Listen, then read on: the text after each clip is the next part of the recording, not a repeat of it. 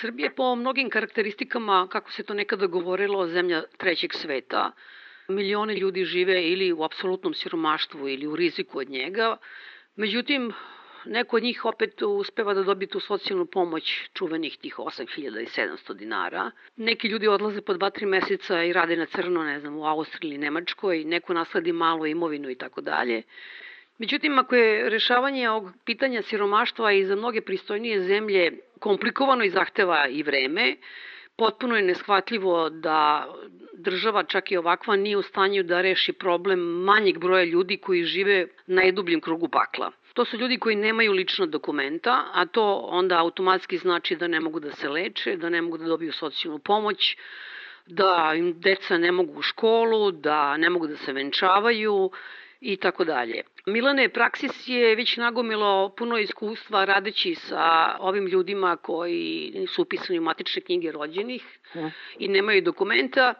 U čemu je problem? Jer ta situacija je trebalo da bude nešto bolja i verovatno jeste od 2012. godine. Zbog čega ste i vi u Praksisu imali potrebe da skrenete pažnju na probleme koji i dalje postoje, da ovi ljudi dobiju najelementarnije dokumente da bi mogli da se snađu nalaze u životu. Da, dobro ste rekli, dakle od 2012. situacija je trebalo nešto da postane povoljnije i ona zaista i jeste postala povoljnija. Naime, te 2012. godine izmenjen je zakon o vanparničnom postupku i dopunjen je odredbama koji u pravni sistem Srbije su uvele, uvele jednu novu vrstu postupka, to je postupak za utvrđivanje vremena i mesta rođenja pre nego što je donet taj zakon, mnogi ljudi godinama nisu mogli da se upišu u matične knjige, pre svega ako majke nisu posjedovale dokumente ili ako nisu bile žive ili iz nekog drugog razloga nisu mogli da učestvuju u postupku ili u slučajima kad nije bilo svedoka koji bi mogli da potvrde da su neposredno prisustovali rođenju nekog čoveka ili kad nije bilo nekih pisanih dokaza ili identifikacijonih dokumenta. Dakle, zahtevi za upis, to je nakranni upis u matičnu knjigu rođenih, bili su redovno odbijani. E, imali smo ljude koji imaju više od 30-40 e, godina, koji nikad nisu imali ličnu kartu i nisu bili upisani u matične knjige. E sad, taj zakon, dakle, dopuna zakona o vanparničnom postupku, je omogućila da se i u tim situacijama, da se u postupku pred sudom provede postupak i da se na osnovu rešenja suda ti ljudi upišu u matičnu knjigu rođenih. Međutim, vrlo brzo počeli su da se pojavljuju problemi u praksi. Iako bi trebalo postupci po zakonu da se završe u roku od 90 dana, to se prekoračivalo redovno i mnogostruko. Često su postupci trajali godinu ili dve dana. Iako, na primer, su stranke oslobođene troškova postupka, sudovi su veoma često tražili i traže da stranke plate takse. Za njih e, svaka taksa je velika, upravo zbog toga je, e, radi se, dakle, kao što ste i sami rekli, o najsiromašnijim građanima, pre svega pripadnicima romske nacionalne manjine i najčešće su to ljudi koji žive u neformalnim naseljima, dakle, vaša konstatacija najdublji krug pakla je sasvim na mestu. Dakle, za njih je svaka taksa bila ogromna i oni i neuke su po pravilu i oni sami ne znaju da li treba ili ne treba da plati takse, kada ne bi imali eto nekoga ko bi im rekao da to ne smiju, to bi prosto moglo da prođe tako da plaćaju te takse. Dalje, bilo i drugih e, problema u tim postupcima u vezi sa dokaznim postupcima kada su sudovi tražili određene dokaze da svojstvo svedoka bude da budu ili bliski rođaci ili da uopšte ne budu u srodstvu sa tim osobama čije vreme i mesto rođenja se utvrđuje, što je opet nije u skladu sa zakonom, jer zakon samo kaže dva punoletna svedoka i tako dalje i tako dalje. Šta hoćete da kažete da nekada kažu mora da bude vaš rođak koji će to da svedoči, a neki sudije kaže e, ne može baš vaš rođak Jeste. nego... Da. Jeste, baš tako kaže, mora da bude neko ko vas zna dugo, to znači da bude rođak, neki blizak, a upravo je to bila namena ovog postupka da se izbegne te situacije, dakle kad neko nema takve svedoke ko bi ga zna određenje ili koje prisustvo u poređaju, da može i takvim ljudima da se omogući upis u matičnu knjigu rođenih, ali ne treba zaboraviti svako, dakle ima pravo na upis u matičnu knjigu, svako, svako mora biti upisan u matičnu knjigu rođenih koji je rođen u ovoj zemlji. S druge strane, neki sudovi kažu, aha, pa taj svedok, kako ti je rođak, taj je pristratan, ne može on. Dakle, potpuno suprotne situacije su se javljale u praksi. Međutim, sve prošle godine došlo je do novog negativnog razvoja događaja, tako da kažem, Vrhovni kasacioni sud je doneo zaključak e, o nadležnosti van parenčnog suda u postupku upisa u matičnu knjigu rođenih i mogu da kažem da je u najmanju ruku su problematični stavovi koje je zauzeo sud. I ne samo problematični, nego se kose i sa ustavom i sa pozitivnim propisima, da ne kažem i sa realnošću. Tri neka stava je zauzeo u okviru tog zaključka. Vrhovni kasacioni sud prvo da kaže da postupci pred sudom o kojima govorimo, dakle ti van parnični postupci utvrđivano vremena i mesta rođenja, mogu da se pokrenu tek nakon uh, pravosnažnog okončanja upravnog postupka u kome je zahtev za upis odbijen. Zaista je neverovatno da najviši sud u zemlji ne poznaje da negativna rešenja u upravnom postupku ne mogu da postanu pravosnižne. To je osnovno načelo upravnog postupka. Pritom potpuno je i besmisleno i bespotrebno bilo da se vode neki postupci i upravni postupci koji je od početka jasno da nema izgleda na uspeh. Potpuno bespotrebno se troše i resursi države, a s druge strane i građani se izlažu M troškovima, M i dalje ostaju dakle, produženo vreme bez upisa u matične knjige rođenih, a na kraju vrlo lako može da se desi da obeshrabreni svim tim dakle, nepotrebnim vođenjem postupaka i negativnim ishodom da prosto odustanu posle i da uopšte ne pokrenu postupak pred sudom. A za to vreme recimo ta deca ne mogu da idu u školu uopšte? Zavisi koji su uzrast. Dakle, ranije je bilo takva praksa škole da nisu znali da prepoznaju dakle, ni školsko osoblje da je osnovna škola obavezna i da svako mora da se upiše bez obzira da li ima dokument ili nema. Pa smo onda mi često intervenisali, morali da zovemo, da ukazujemo na to i sada nam se ređe dešava, dakle osnovnu školu hoće da uglavnom, dakle najčešće redko se dešava da se ne primi dete koje nije upisano u matičnu knjigu rođenih, ali ono ne može da dobije na kraju diplomu da je završilo to školu, ako da, ne može da upiše srednju školu i tako dalje. Dakle, u osnovnu školu još mogu da idu eto do osmog razreda, ali srednju školu i svako dalje školovanje nemoguće. To je dakle bio jedan, jedan od tih stavova Vrhovnog kasacijonog suda, drugi je bio da se kako kaže lice koje je bilo upisano u matičnu knjigu rođenih, ali te knjige su uništene ili nestale, da ni ti ljudi ne mogu da traže da sud sprovede ovaj postupak.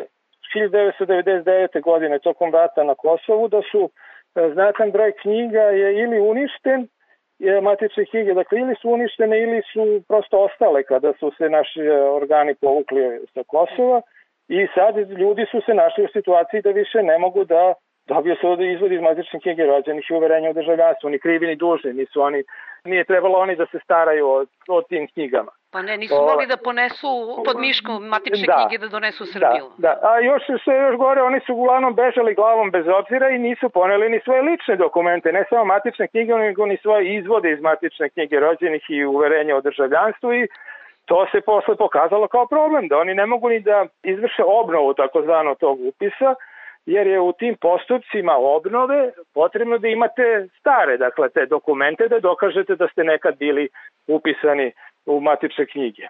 I ti postupci se vode po pravilu pred matičnim službama, dakle organima uprave, s tim što je propisano da ako stranke ne raspolažu dokazima, a ne može ni da ih organ pribavi po službenoj dužnosti, uputit će dakle, stranku da pokrene postupak pred sudom radi utvrđivanja odgovarajućih činjenica i da nakon kad dobije pravosnažnu sudsku odluku, matičar će upisati u matičnu knjigu to što piše u odluci suda.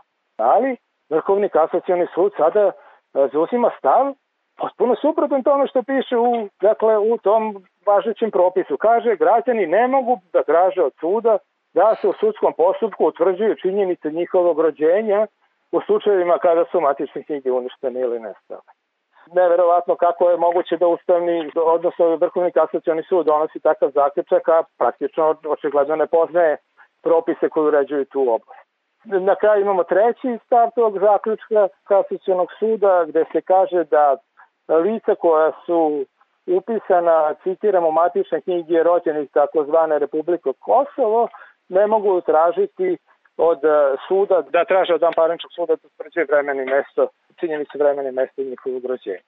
Tu sad opet imamo dakle situaciju da Srbija dakle nije preznala Republiku Kosovo, samim tim ni njihovi dokumenti nemaju nikakvu važnost. Ovde nijedan organ vam neće priznati nikakvu odluku, nikakvu ispravu, nikakav dokument e, koji ima oznaku Republike Kosovo.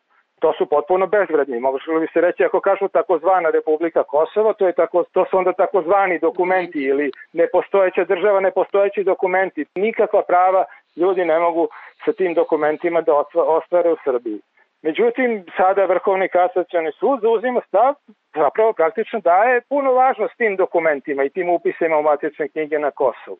Kako se kaže, lica koje su upisana u matičnu knjigu takozvane Republike Kosovo, dakle činjenice rođenja nije sporna i ne može da se traži, dakle sud ne može da utvrđuje činjenicu koja je poznata. Dakle, sud uzima da je to praktično puno važan upis. A posledice su za to, toga zapravo da Eto sad imamo građane koji su rođeni tamo, oni su se prosto upisali u matične knjige, to su ljudi sa kojima mi radimo, to su Romi, kojima je podjednako loše i ovde i tamo. Siromašni su, diskriminisani, marginalizovani i njima je praktično, oni uopšte ne, ne vode računa o tome ni po tim pravnim ni političkim pitanjima, oni su prosto se upisali, rodili su se u bolnici koja je najbliže, upisali su se u matične knjige, tu koje su postojale i mnogi od njih su došli uh, u Srbiju da žive. To su po ovom našem iskustvu najčešće su to devojke koje se udaju u Srbiju za momke koje žive ovde. Zapravo sklope vambračnu zajednicu. I onda žive ovde godinama, dobiju decu, decu ne mogu da upišu u matične knjige jer nisu ni same upisane. Dakle, žive bez ikakvih prava. I oni i deca teško kasnije da se upišu. To se samo generiše nove nove probleme. Dakle, ono što je izgledalo dobro i jeste dobar postupak bio, dakle, na početku kad je donet 2012. godine, zapravo se čini se da je tendencija takva da postaje sve, sve gore i gore. Dakle, i da građani sve teže mogu da ostvaruju pravo na upisu matične knjige. Najčešće se govori o nezavisnosti pravosuđa, o priticima na pravosuđe i tako dalje. Međutim, ovde ne vidimo razloga zbog čega.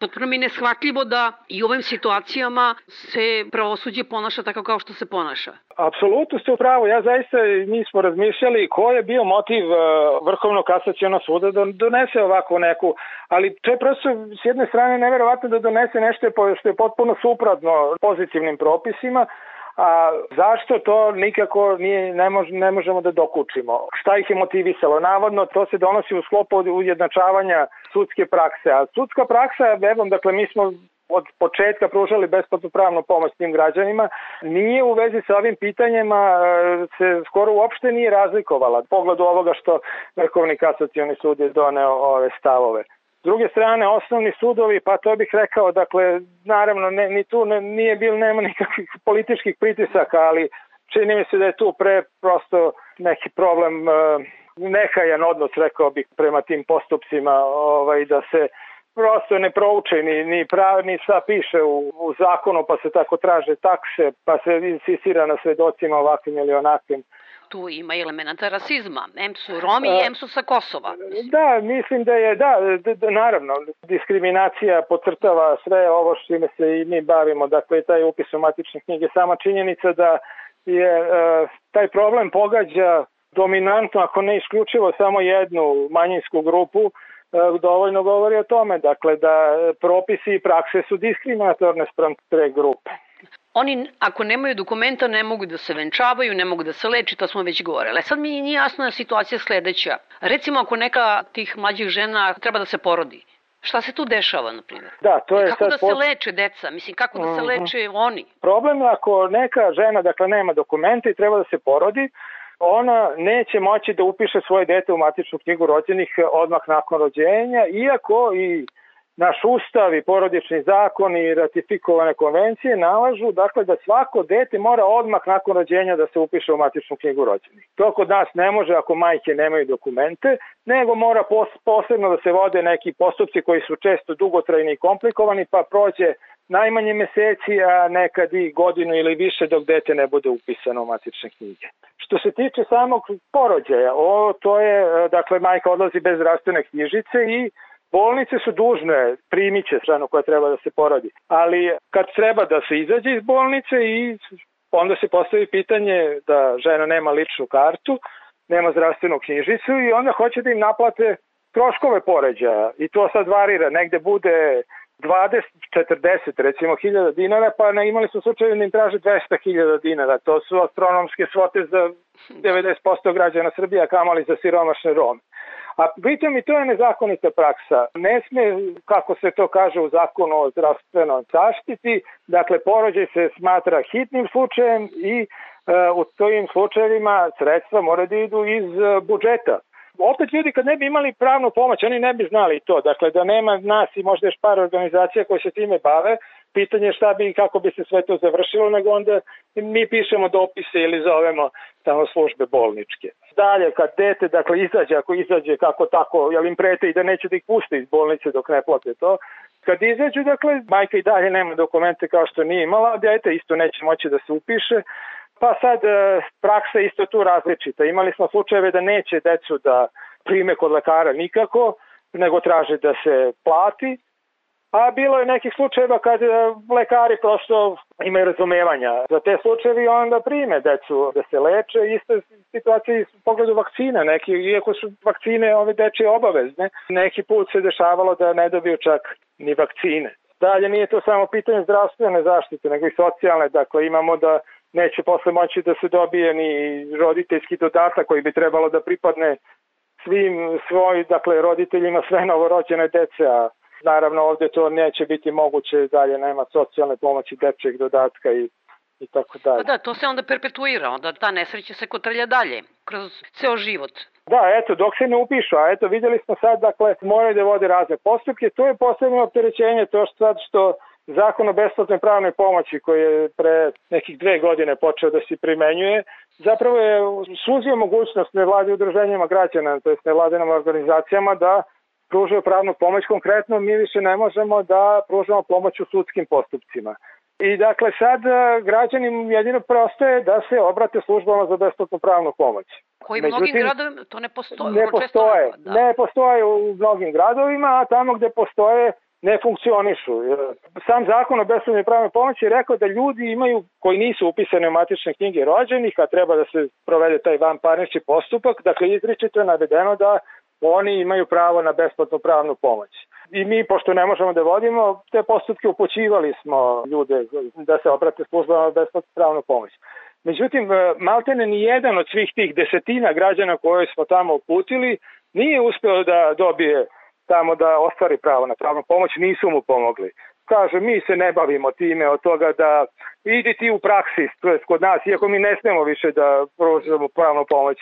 Pa do absurdnih situacija da mu kažu kad dođe tamo, čovjek hoće da se upiše u matičnu knjigu rođenih, dakle treba mu pomoć oko toga, jasno je da nema dokumente, a oni mu kažu ne možemo da ti pomognemo, ali nemaš ličnu kartu, daj ličnu kartu pa ćemo onda da ti pružimo besplatnu pravnu pomoć ljudi često su i nepismeni, pravno su sasvim neuki, prosto ne snalaze se pred organima države, ali žive na marginama ceo život. I njih je nekako lako i tamo reći im nešto, otkačiti ih i oni ne znaju dalje šta će. Dakle, to je posebno sad pitanje otežavajuće okolnost što oslanjali su se godinama na pomoć koje pružaju nevladine organizacije, a sad e, nemaju više ni tu mogućnost. Tako da evo sad mi se u posljednje vreme bavimo time da im pružamo pomoć kako da dobiju besplatnu pravnu pomoć. Kako teče ovaj razgovor do sve absurdnih e, konstatacija da. dolazimo, zaista. Milane, vama mnogo hvala na ovom razgovoru. Hvala vama što se interesujete.